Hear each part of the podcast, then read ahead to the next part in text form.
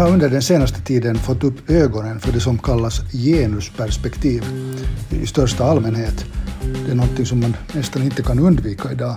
Men framförallt så blev jag intresserad av att genusperspektiv tillämpas inom nationalekonomin. Och det var alldeles nytt för mig.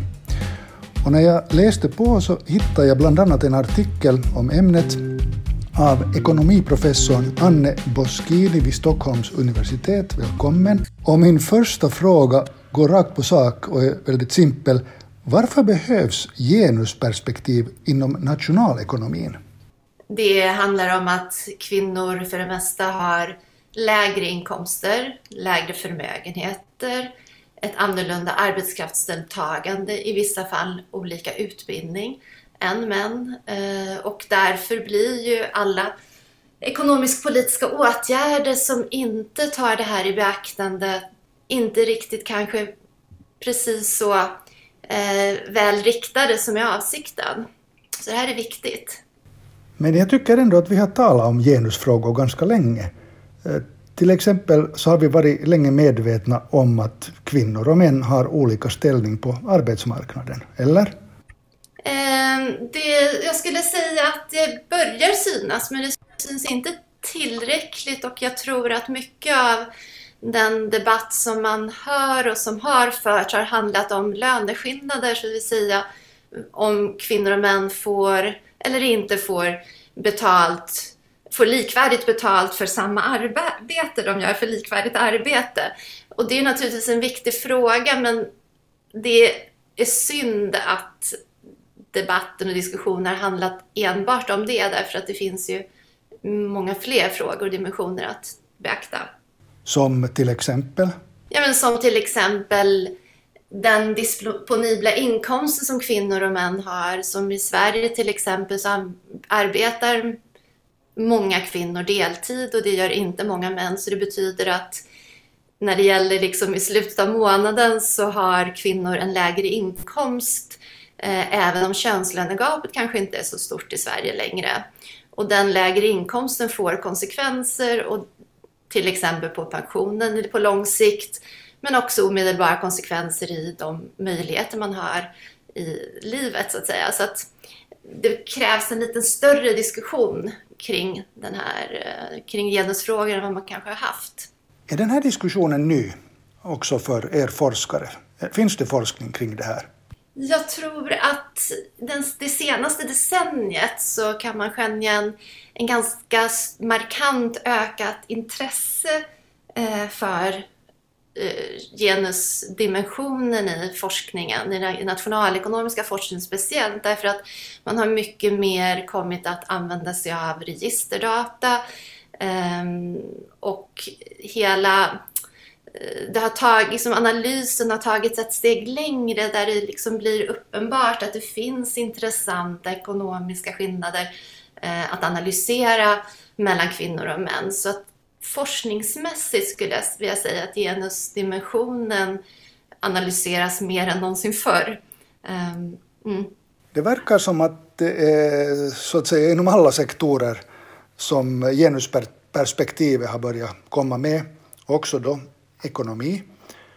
Och när du just talar om de konsekvenser som till exempel kvinnors situation på arbetsmarknaden har, att de konsekvenserna faktiskt är många och går djupt, så egentligen så borde jag väl fråga att varför har inte man talat om det här tidigare? Ja, det är en miss av forskarna och det kanske också är en miss i liksom samhällsdiskussionen att tro att det här är någonting som löser sig bara man liksom eh, låter liksom meritokratin har sin gång eller om man tänker sig att företagen drivs av sitt vinstperspektiv och det är klart att de anställer de personer som är bäst lämpade för en uppgift. Men det har ju visat sig att det är ju inte fullt så enkelt. Eh, det finns eh, normer, det finns eh, förväntningar vi har på hur personer som fyller en viss uppgift ska se ut eller ha för kvalifikationer. Och dessutom så har det visat sig forskningsmässigt att man läser CVn och meriter på olika sätt beroende på vilken grupp den här personen tillhör oavsett om det är man, kvinna eller om det är liksom etnicitet och så vidare. Så det här är ju liksom en, det, det är en problematisk fråga som vi kanske inte har varit fullt medvetna om hur mycket det slår. För jag menar, det ultimata argumentet för att vi ska bry oss om det här det är ju att det påverkar den ekonomiska utvecklingen att inte ha rätt person på rätt plats genom att man inte liksom, eh, tar tillvara på den kompetens som finns hos kvinnor, om man nu pratar om kvinnor och män, i, lika mycket som hos män. Betyder det här att ni ekonomiska forskare liksom nu byter perspektiv till ett genusperspektiv och lämnar bort klassiska ekonomiska frågeställningar om hur marknaden fungerar, hur inflationen påverkar och så vidare. Försvinner de här klassiska forskningsfrågorna? Nej, alltså ur mitt perspektiv som forskare så gör vi inte det. Det finns de som är feministiska ekonomer som tänker annorlunda kring den saken. Men jag tycker att med bibehållet perspektiv så finns det möjlighet att göra saker och ting bättre genom att vi faktiskt analyserar och beaktar att vi kanske inte är fullt så rationella som vi skulle vilja vara i alla situationer. Är du alltså inte feministisk forskare? Jag tror fortfarande på ehm, den neoklassiska modellen, man tänker ur ett nationalekonomiskt perspektiv eller på liksom, jag tror inte man behöver gå vid sidan av de gängse modellerna och tankarna för att inkorporera ett eh, genusperspektiv både i forskningen och i liksom, ekonomin i stort. Är feministiskt perspektiv och genusperspektiv skilda saker? Nej, det behöver absolut inte vara. Det finns de som tycker det, men jag tycker inte att det är det. Du frågar i en artikel som jag läste nyligen om kvinnor blir lyckliga av deltidsarbete. Är det här nu exempel på genusperspektiv? Är lycka någonting som kan ersätta det gamla begreppet BNP, bruttonationalprodukt, som mått på hur vi mår? Mm, ja, alltså jag vill nog liksom problematisera och på så sätt utmana synsättet att det inte att individer är individer, att det inte spelar någon roll om det är män eller kvinnor som eh, är målgruppen för en viss åtgärd. Att inte beakta könsperspektivet tror jag blir riskerar att göra reformer missriktade och att inte få de eh, konsekvenser som man hade avsett. Så på så sätt så tror jag att det är viktigt att faktiskt ifrågasätta den här genusneutrala, att det, liksom det här med att någonting är könsneutralt på så sätt är, är mindre problematiskt än att man tittar på subgrupper. Jag tror det behöver man fundera över. För ungefär tio år sedan gjorde jag en intervju med den enda kvinnan i Finland som var verkställande direktör vid ett börsbolag. Idag är kvinnorna lite fler. Ungefär 10 procent av eh, de högsta cheferna vid börsbolagen i Finland är kvinnor och det betyder att 90 procent är män. Vad har du för tankar kring det? Eh, många tankar för det första, för det här är en diskussion som vi har löpande även i Sverige där det finns ungefär få, lika få kvinnor som är eh, eh, VD för eh, stora börsbolag.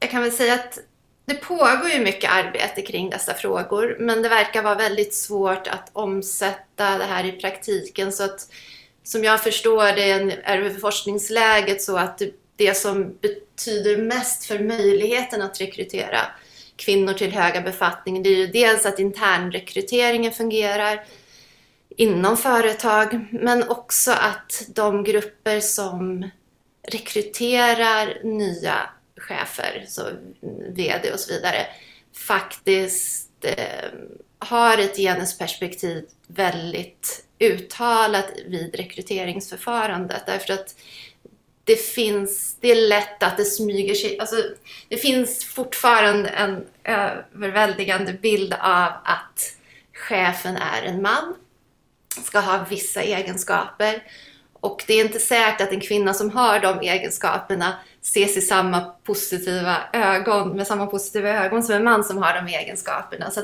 där finns det jättemycket forskning som är intressant kring normer och förväntningar kring chefer och eh, kvinnor och män. I Finland har vi under den senaste tiden talat en hel del om föräldraledigheten.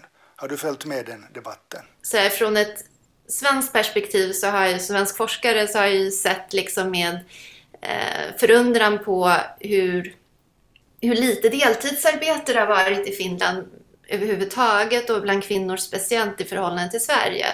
För Sverige är ju liksom en lösning på att ha små barn och få ett förvärvsarbete att fungera, det är ju att gå ner, i del, alltså gå ner till deltid. Därför att även om man har barn i förskola och på dagis så är det svårt att arbeta för liksom, heltid eftersom man gärna vill hämta barnen tidigt och så vidare. Så att det finns ju en konflikt mellan arbetsliv och familjeliv när barnen är små och det tror jag vi alla eh, är medvetna om. Så är det frågan om hur det ska lösas och där är jag personligen också av åsikten att det är ju också frågan om vad staten eller liksom vill signalera och sponsra så att säga. För att alla familjer har ju egna val och frågan om liksom vad ska staten möjliggöra? Och det är ju en politisk diskussion mer än någonting annat. Um, om något så kan vi tycka att det borde vara viktigt för barn att ha båda sina föräldrar, de är små, uh, som tar hand om dem. Uh, så att reformen som underlättar det skulle jag ju förespråka ur flera perspektiv så att säga. Mm. Vad forskar du i just nu då? Eh, för alldeles egen del så har jag nu ett forskningsprojekt om mäns fertilitet och barnlöshet speciellt eh, som knyter an till den diskussion och den forskning som finns speciellt i USA Ehm, om män och speciellt lågin, lågutbildade män som far illa på arbetsmarknaden som har upplevt en negativ löneutveckling senaste decennierna. Så att jag tycker väl liksom att det här att likställa ett genusperspektiv med att bara titta på kvinnor är rätt begränsande och eh, så att just nu tycker jag det är väldigt spännande att få studera män i större utsträckning än tidigare för att det blir lätt att man bara pratar om kvinnor och det blir väldigt ensidigt. Det är ju inte det ett genusperspektiv egentligen är. Så det håller jag på att studera just nu och tycker är väldigt roligt. Anne Boschini, ekonomiprofessor vid Stockholms universitet. Tack för att du var med. Tack för att jag fick vara med.